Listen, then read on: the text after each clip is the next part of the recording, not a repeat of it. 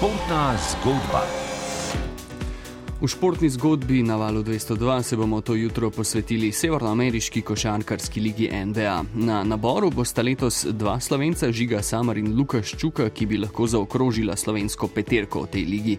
V končnici te sezone pa od letošnje trojice ostaja samo še Luka Dončić. Goran Dragič z Brooklynom in Vladko Čančar z Denverjem sta v prvem krogu izpadla, Dončić pa si je z Dallasom pred nekaj minutami zagotovil četrto zmago proti moštvu Utah Jazz. V studiu se mi je pridružil pridružil Boštjan Rebršak. Dobro jutro. Dobro jutro. E, najprej, seveda, kako se je končala tekma. Ja, dramatično, dala si imel veliko priložnosti, da zaključi to tekmo.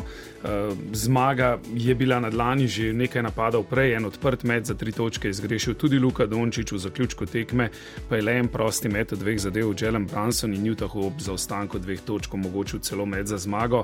Imel ga je Bojan Bogdanovič, zgrešil trojko in dala se je torej vrstil v drugi krok zmago z 98. 90 proti 96, v seriji pa je zmagal 4 eh, proti 2.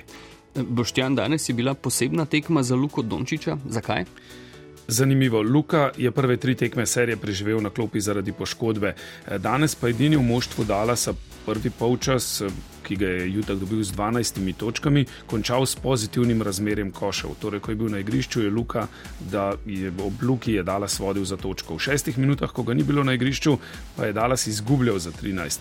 Tako je odigral celoten drugi polčas in to sem v primeri za res redko, komu je še hodil na koncu tekme. E, končal je 24 točkami, brez potez za vrhunce dneva, tudi tega nismo vajeni pri Luki, ampak zelo osredotočeno vodil moštvo do zmage. E, še ena zanimivost, ne samo iz te tekme oziroma serije z Juto. Uh, Luka danes 8 asistentov, torej zadnjih podaj za koš svojih igralcev, a ker Luko tekmeci vse čas podvajajo, je ogromno hokejskih podaj, torej tistih drugih, uh, takšnih, ko se žoga od Luke prek rok svojih igralcev pojavi pri prostem posamezniku. No in v tem elementu je Dallas danes eh, nadigral Juto, Luka pa skreiral ogromno prostih odprtih metov za svoje igralce.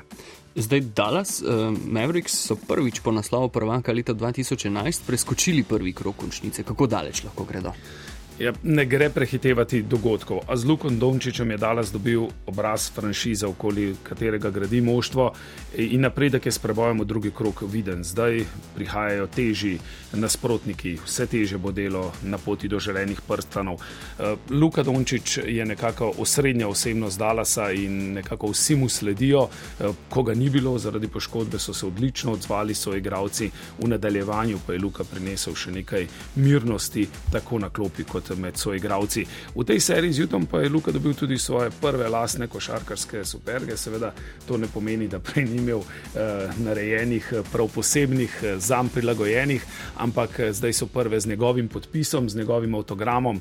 Eh, kmalo bodo na voljo tudi vsem košarkarskim navdušencem, tako da Luka Dončić zares postaja vele zvezdnik v vseh pogledih, ne na zadnje tudi izdelki na policah se kupičijo ob njegovem imenu. Sem mislil, da boš delal kot Michael Jordan, eh, skompo bo.